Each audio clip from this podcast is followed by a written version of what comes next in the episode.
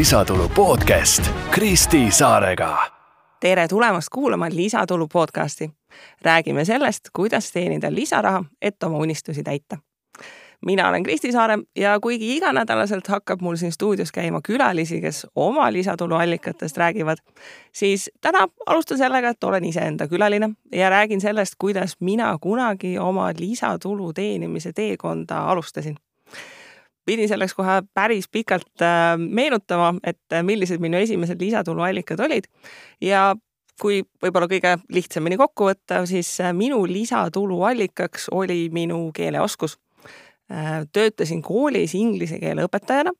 ning sealt hakkas pall veerema, sest inglise keel kui vajalik oskus oli ka teistele inimestele väga südamelähedane. ja minu lisatuluallikaks, mida ma tegin enda täiskohaga töö kõrvalt, töötasin siis koolis ja õpetasin äh, seitsmenda kuni kaheteistkümnenda klassi õpilasi. hakkasin õpetama inglise keelt siis ka täiskasvanutele. see idee, et lisatulu teenimiseks anda eratunde mingil kujul ähm, ei olnud muidugi midagi uut. Äh, me ju kõik teame, et eraõpetajad on olemas. aga mul isegi alguses ei tulnud ühtki väga head ideed selle kohta, et kust ma võiksin neid eraõpilasi leida Ähm, et kas ma peaksin kuskil kuulutama või ähm, kas ma peaksin otsima mingi koostööpartneri, ma ei tulnud väga selle peale, et äh, inimesed, kes on teisel pool, ehk siis kliendid, kes tahaksid eratunde võtta, ähm, on tegelikult suhteliselt samamoodi hädas, et kust ja kuidas nad võiksid leida endale hea inglise keele õpetaja, keda usaldada ja kellega nad oleksid rahul.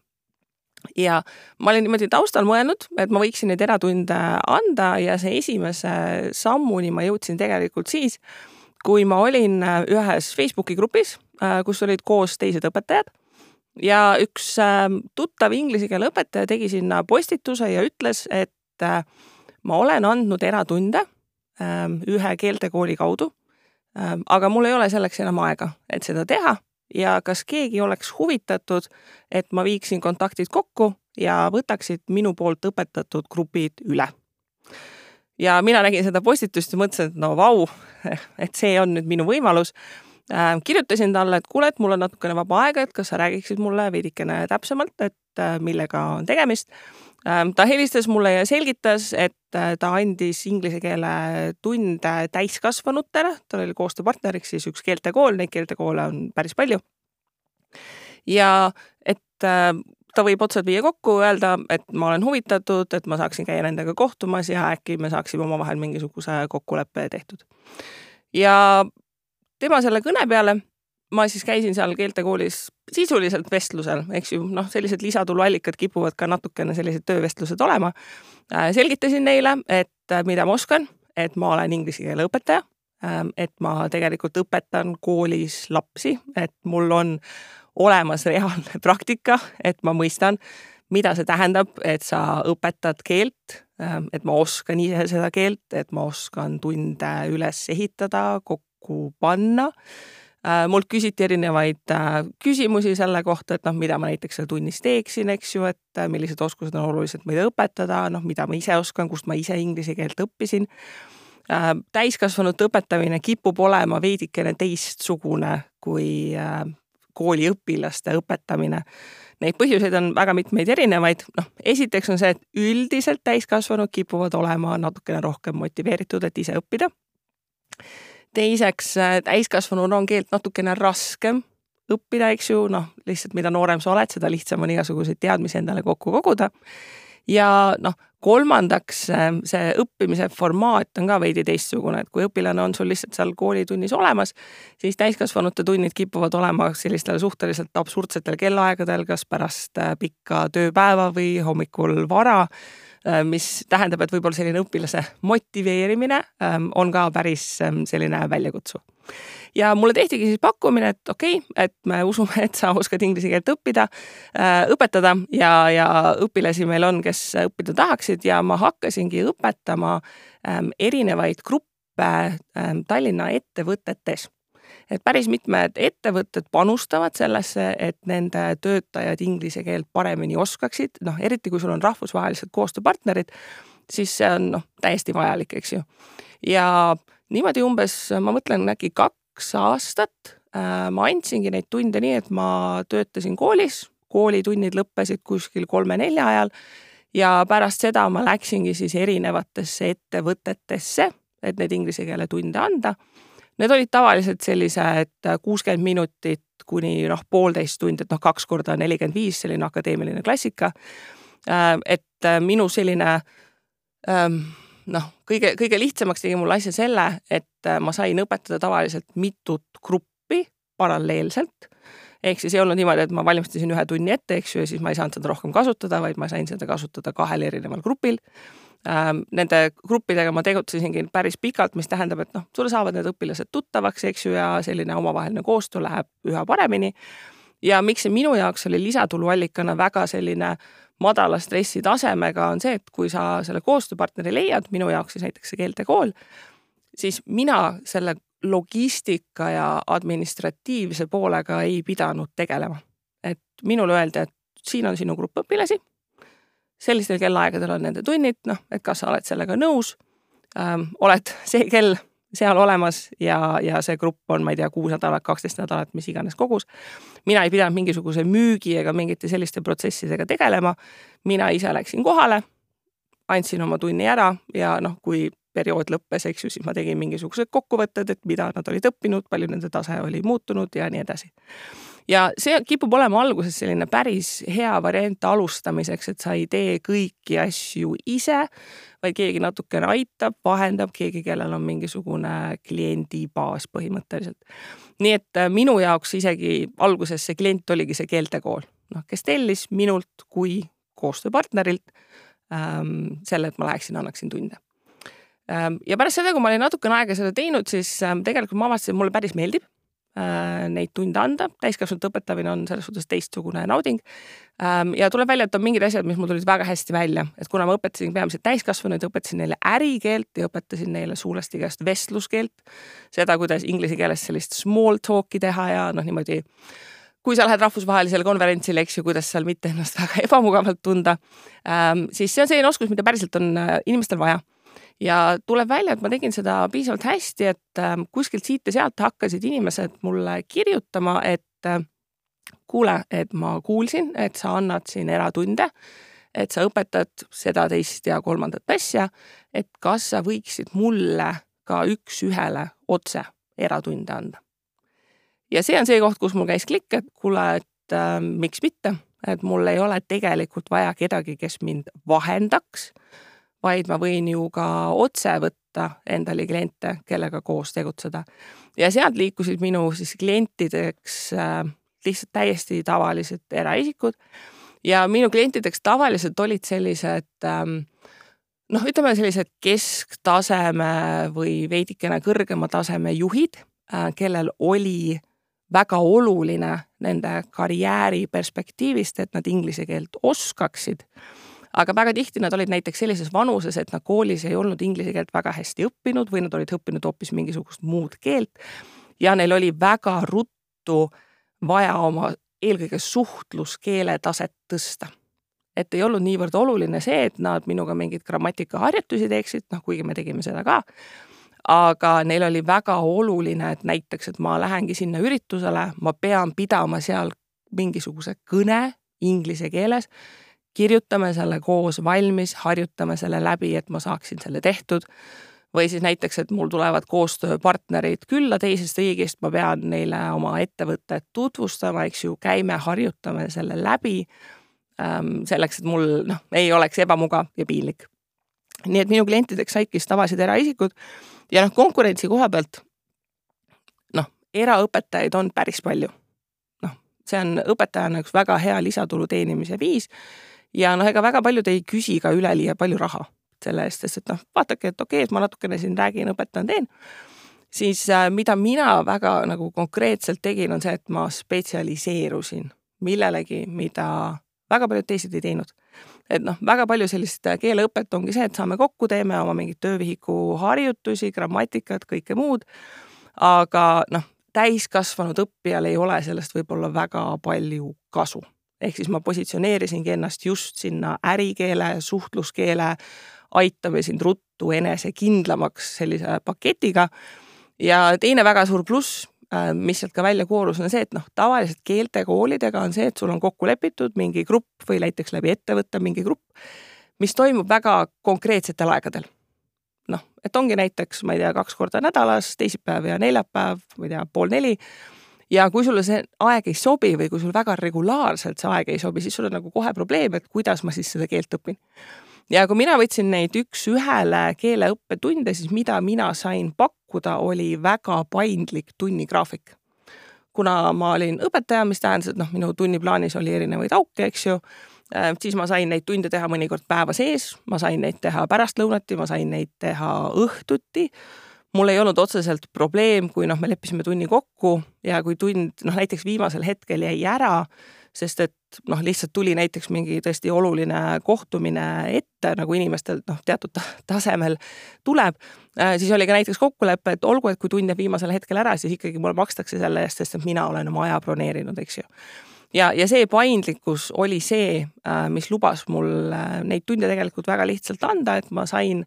sellisel tasemel klientidega väga hästi sellise kliki ja kui küsida seda, et kuidas ma müüsin enda sellist äh, tööd äh, või, või selliseid äh, oskuseid, siis äh, ma pean tunnistama, et äh, tagantjärgi mõeldes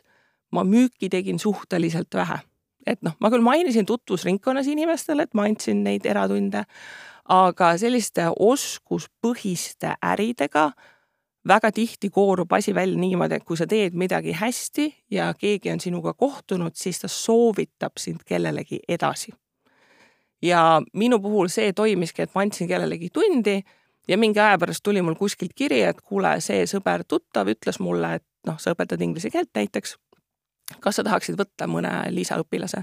Või siis ma näiteks noh, üks keeltekool, kellega ma tegin koostööd, mingi aja pärast kirjutas mulle järgmine keeltekool, et kuule, et me kuulsime, et sa annad seal tunde, kas sa tahaksid tulla meile ka ja võtta mõne grupi endale lisaks, et tegelikult üks teine koostööpartner tekkis sealt ka. Ja see kipubki olema selline alguses hästi raske asi, et see võtab aega, enne kui need soovitused hakkavad tulema ja enne kui nad mõjuvad. aga ma just siin naersin, et mul kuu aega tagasi, noh, ma ei ole inglise keele eratunde nüüdseks äkki viis-kuus aastat kindlasti andnud, sest et noh, mul ei ole selleks lihtsalt enam aega olnud. mul kuskil kuu aega tagasi üks inimene kirjutas, et noh, kuule, et kas sa äh, oleksid veel nõus andma, et noh, kui ma just väga tahaksin, et, et sina seda tundi annaksid. ja noh, õnneks mul on praegu võib-olla mõned tuttavad, kellele ma saan viidata, et noh, et ma ise enam neid tunde ei anna, aga ma soovitaksin kedagi teist, et noh, selline network või selline võrgustik, et sa saaksid kedagi teist soovitada, see on ka väga-väga tänuväärne. ja noh, lisatulu mõistes on selline teadmistepõhine, noh, koolitamine, eratunnid, kõike muud, äh, väga null stardikapitaliga alustamine et mul, mul ei olnud mingisuguseid kulusid, noh, mul oli ettevõte, mille alt ma sain esitada arveid, eks ju, aga sellele lisaks mul ei olnud mingeid püsikulusid, mis oleksid tekkinud, mida ma peaksin kuidagi maksma, vaid oligi see, et ma võtsin täpselt nii palju kliente või siis noh, õpilasi, kui palju ma parajasti tahtsin ja jaksasin ja selle raames siis tegutsesin. Ja noh, võib-olla kõige keerukam küsimus, nagu ikka sellistel teadmispõhistel äridel on see, et kui palju siis küsida raha. Ja sellega olin ka mina hädas, sest et kui praegu saab öelda, et rahast väga palju ei räägita, siis noh, ega siis räägiti veel vähem. ja no samamoodi nende keeltekoolidega oli see, et noh, nad siis küsisid, et noh, et mis on enam-vähem sinu hinnapakkumine. Nendega oli võimalik läbi rääkida, kuna neil olid tavaliselt sellised hankelaadsed projektid, et nad olid teinud mingile suurele ettevõttele pakkumise, siis nad ütlesid enam-vähem, et noh, see on see meie tunnihind. kas sa oled sellega rahul või mitte üksikute eraõpilastega läks asi juba veidikene keerulisemaks, sest et noh, nemad küsisidki minult, et noh, olgu, et me teeme siis, ma ei tea, nii palju tunde, nii palju mahtu. Äh, mis see summa on, mis sa siis pead maksma? ja siin on natukene keerukam, sest et kui me räägime eraisikust, kes on nagu ise klient, noh, tema vaatab seda hinda ühtemoodi Äh, mõne eraisiku puhul oli see, et tegelikult kliendiks oli sisuliselt tema tööandja, et tööandja maksis arveid. ja tööandja vaatab alati neid arveid natukene teise pilguga, et kui eraisiku jaoks võib-olla noh, me räägime päris mitmeid aastaid tagasi, äh, näiteks kümme eurot neljakümne viie minutiline tund, noh, võis tunduda krõbe, siis noh, ettevõtte jaoks ei olnud see ka siis mitte midagi nii et äh, see on selline natukene katse-eksituse meetod ja ma uurisin ka teistelt tuttavatelt, kes eratunde andsid, et kui palju nemad küsivad ja väga selline hea nipp on alati, et kui tuleb uusi päringuid peale, siis iga uus päring tuleks noh, niimoodi kriips kallima hinnaga teha. Et mida rohkem kliente juurde tuli, iga noh, ma ei tea, pärast näiteks mingit paari-kolme klienti, kellega ma koostööd tegin, siis ma jälle tõstsin oma hinda, sellepärast et sellise teadmistepõhise äh, lisatuluga noh, mis saab seinaks, on aeg. sa ei saa seda kuidagi automatiseerida sellepärast et kui sa annad kellelegi keeletundi, noh, sa oled temaga üks-ühele, istute laua taga, sa ei saa samal ajal midagi muud teha. Sul ei ole võimalik samal ajal mitut klienti teenindada ja noh, kuna ma siiski töötasin, eks ju, ka täiskohaga koolis õpetajana, siis neid tunde, millal ma sain lisatulu teenida, oli piiratud aeg ja seetõttu sinu lahendus oma sissetuleku suurendamiseks tegelikult ongi ainult see, et vaikselt hakata seda hinda tõstma. samamoodi noh, siit kasvada kuidagi laiemaks sellise eratulu pealt on noh, väga keerukas, et noh, mul ei olnud ambitsiooni, et ma tahaksin keeltekooli alustada või, või midagi sellist teha, et, et, et kedagi palgata või kellegagi koostööna asja teha. mulle just väga hästi sobis see, et ma sain valida oma piiratud hulga koostööpartnereid või kliente, kellega ma tegutsesin mõndadega päris pikaajaliselt, nii et noh, sa õpid inimest tundma, need noh, tunnid lähevad üha paremaks, sa näed sellist progressi. Ehm, ja noh, ma, ma kaalusin seda, et äh, kas võiks olla näiteks nii, et ma tuleksin koolist ära ja ma täiskohaga võib-olla annaksingi neid eratunde, aga see ei tundunud äh, nii nauditav, ütleme, et ma oleksin tõesti täispäevad neid eratunde andnud ja noh, kõige sellisem keerukam koht, ähm, kui ma nüüd tagantjärgi mõtlen, oligi see, et otsustada, et noh, mis hetkel ei ole enam see mõistlik lisatuluallikana. Sest et ähm, õpetajana noh, palk alguses oli väga-väga tillukene, aga see vaikselt tõusis, tõusis, tõusis. ja mul endal hakkas lisaks igasuguseid erinevaid tuluallikaid ka tekkima, igasuguseid erinevaid projekte.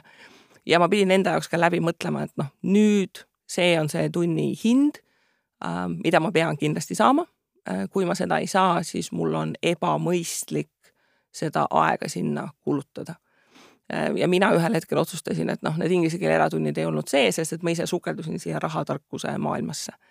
aga kõik see raha sisuliselt, mida ma lisatuluna teenisin, oli see, mis tegelikult läks minu investeerimisportfelli stardikapitaliks sest et ma elasin ära sellest rahast, mille ma teenisin palgana ja kõik lisatulu, kõik lisaraha sai minna säästudesse. kui ma kunagi ammu äh, oma ettevõtte tegin noh, siis ma ei kujutanud väga ette, et sellest saab selline päriselt toimiv ettevõte ja, ja selline püsiv rahavoog äh,. me tegime ettevõtte abikaasaga koos tegelikult tema IT-lahenduste selliseks vabakutseliseks tööks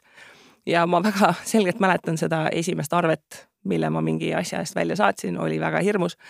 äh,. väga naljakas oli teisele inimesele saada see arve ka ilmselt, mis oli arve null, null, null, üks. Ähm, ja see on natukene paratamatus, et äh, sa pead selliseid ettevõtlustarkuseid, oskuseid juurde õppima. Ähm, et ma õppisin, mida tähendab üldse ettevõtlus. Ähm, oma ettevõtte raamatupidamist ma ei ole kunagi ise teinud, aga noh, sa pead sellest põhimõtteliselt aru saama, eks ju, mida sa teed. Õppisin ära mingid sellised asjad, et noh, ongi, kui sul keeltekooliga on koostööprojekt ja noh, nende puhul on see, et kui palju nemad maksavad selle tunni eest, siis kui palju see sinu jaoks tegelikult reaalset töötundi tähendab, eks ju, võrreldes igasuguste teiste palgatööliste asjadega. nii et ähm, sellist väga palju tausta teadmist tekib sinna juurde ja just ka selle läbimõtlemise koha pealt, et näiteks kui keeltekool nemad võtavad endale kliendi, nemad võtavad oma kasumi sealt vahepealt enda sellised jooksvad kulutused ja siis noh, eks mis sealt jääb alles koostööpartneritele maksmiseks. Versus see, et kuidas toimib see ärimudel, kui mina otse üks-ühele kliendiga suhtlen. et see annab sellise päris hea teadlikkuse, et kui palju neid vahekihte seal on ja kui palju sa ise otse seda kontakti tehes saad rohkem teenida. aga see hind noh, see hind sellel lisaks teenimisel ongi see, et sa pead ise tegema müüki, sa pead ise lööma ähm,, noh, ise looma neid kontakte ise selgitama, miks sa oled hea teenusepakkuja, tegema neid hinnapakkumisi, õigustama neid hinnapakkumisi, sest et äh, noh, selline lisaõpe noh, ei ole eluks vajalik teenus. et jah, noh, inimestel on seda vaja, aga ei ole nii, et ei oleks teisi konkurente, et ei oleks odavamaid konkurente, vaid sa pead seda kõike tegema piisavalt hästi, et inimene oleks motiveeritud sulle jätkuvalt ka maksma ja pikaajaliselt sinu klient olema. Ja kui ma nüüd tagantjärgi vaatan, siis äh, tegelikult ma olin üllatavalt sihikindel ja üllatavalt süstemaatiline, kuigi sellel hetkel mul ei olnud seda tunnet et kui ma seda, neid esimesi gruppe hakkasin õpetama, siis mulle pigem tundus nagu oh vau, et mul on nagu kaks tuluallikat, et nii õpetajatöö kui ka mingisugune lisatöö. Ehm, ja ma ei osanud ette kujutada, et sellest nüüd kasvabki välja selline päriselt erakliendid ja et mulle hakatakse neid gruppe rohkem pakkuma. Ehm, aga väga suur selline noh, taga, tagantjärgi väga suur põhjus sellele edule ähm, oligi see, et lihtsalt julgelt öelda jah, et proovida ja katsetada et ma arvan, et väga paljudel inimestel on võib-olla selline kerge ebakindlus mingite oskuste suhtes, et mis sest, et sa tööna neid asju teed, siis see idee, et sa neid kuidagi ettevõtjana müüd, tundub hirmutav. Et kuigi ma kakskümmend neli tundi nädalas õpetasin klassi ees teismelisi, mis on ka väga raske, siis see mõte, et äh, okei okay,, et nüüd sa õpetad täiskasvanuid tundus kuidagi nagu hirmutavam, et nad tundusid kuidagi sellised, ähm, et nad kindlasti saavad aru, kui ma midagi ei oska või, või kindlasti neile paistab välja, kui ma olen mingite asjade suhtes ebakindel. aga reaalsus on see, et tuleb aru saada, et kui sa mingit valdkonda ise oskad, siis teised inimesed näevad sind spetsialisti ja eksperdina. Äh, kuigi see sulle endale ei pruugi niimoodi tegelikult ähm, tunduda nii et võib-olla selline kõige keerulisem alustamise aspekt oligi see, et lihtsalt võtta see väljakutse vastu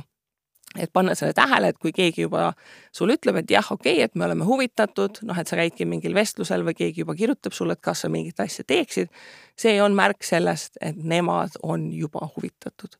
ja sina peaksid võtma seda komplimendina, et kuskil sa oled jäänud kellelegi silma, keegi on sind soovitanud ja, ja tasub edasi minna ja vaadata, et ähm, kuhu sa oma tegevustega jõuad. ja võib-olla, kui neid õppetunde siit äh, võtta kokku, ähm, siis neid on päris mitu. noh, esiteks on see, et kui, kui sa midagi ei tee, siis midagi ei juhtu. et äh, sa pead ise silmad lahti käima ringi, teistele inimestele rääkima, et sa midagi oskad ja kui sa näed, keegi päriselt midagi pakub kuskil, siis võta see vastu ähm,. siis teise asjana see, et sinu selline maine ähm,, see, et teised inimesed sind soovitaksid, see, see võtab lihtsalt aega. et kui piisavalt palju inimesi saavad sinuga koostööst positiivseid kogemusi, siis see kandub edasi, nad soovitavad oma sõpradele, tuttavatele ja see ringiga tuleb sinu juurde tagasi. ja mõnikord nagu see, see müügi aspekt tundub kuidagi selline ebamugav aga kasvõi selline väga lihtne asi, et sa ütledki mõnele inimesele, kellega sa tutvud või kellegagi oled koostööd teinud vestluse lõpus, et näed, et kuule, et aga ma näiteks annangi neid eratunde, et kui sa tead kedagi, kes otsib, siis võid minu juurde suunata. et ei pea tegema sellist agressiivset müüki, vaid lihtsalt mainida, et kui kedagi on, siis sa võid suunata ja nii need kontaktid sinu juurde jõuavad. ja eks see õppetund ka, et äh, tuleb vaadata oma seda hinnastamispoliitikat, et alati on teisi, kes teevad odavamalt. see on paratamatus, on inimesi, kes kas ei väärtusta oma aega või noh, nad lihtsalt meeleheitlikud seda tulu teenida või noh, neile ei tundugi, et nende aeg on nii väärtuslik, et selle eest raha küsida, et sa ei pea minema äh, sellise alampakkumise teed. et äh, olen saanud ka inimesi, kes on tulnud kontakti, tahaksin tulla eratundi, ma olen teinud hinnapakkumisi, nad on öelnud ei, et see on liiga kallis ja see on täiesti okei okay see on täiesti okei okay,, sa ei pea iga klienti endale püüdma, iga koostööpartnerit, kui see ei lähe sinu sellise põhimõttelise väärtuspoliitikaga tegelikult kokku. see siis oli minu teekond, kuidas ma viis aastat inglise keelt õpetasin, nii läbi keeltekoolide kui eraklientidele. õppisin sealt väga palju nii enda, enda oskuste kohta, kuidas anda oma teadmisi edasi, sain esimesed ettevõtlusteadmised sealt teenitud raha pani suuresti alguse kogu minu investeerimisportfellile ja edasisele ettevõtlusteekonnale. nii et kui sul on mõni oskus või teadmine, siis ära karda seda jagada. kindlasti on inimesi, kes on nõus selle eest maksma, ole enesekindel ja vaata neid võimalusi. ja juba järgmises saates on meil siis esimesed põnevad külalised, kes räägivad sellest, kuidas nemad leidsid enda lisatuluallika, millised olid nende õppetunnid sellisel teekonnal ja kuidas teie võiksite enda lisatuluallika leida. kohtumiseni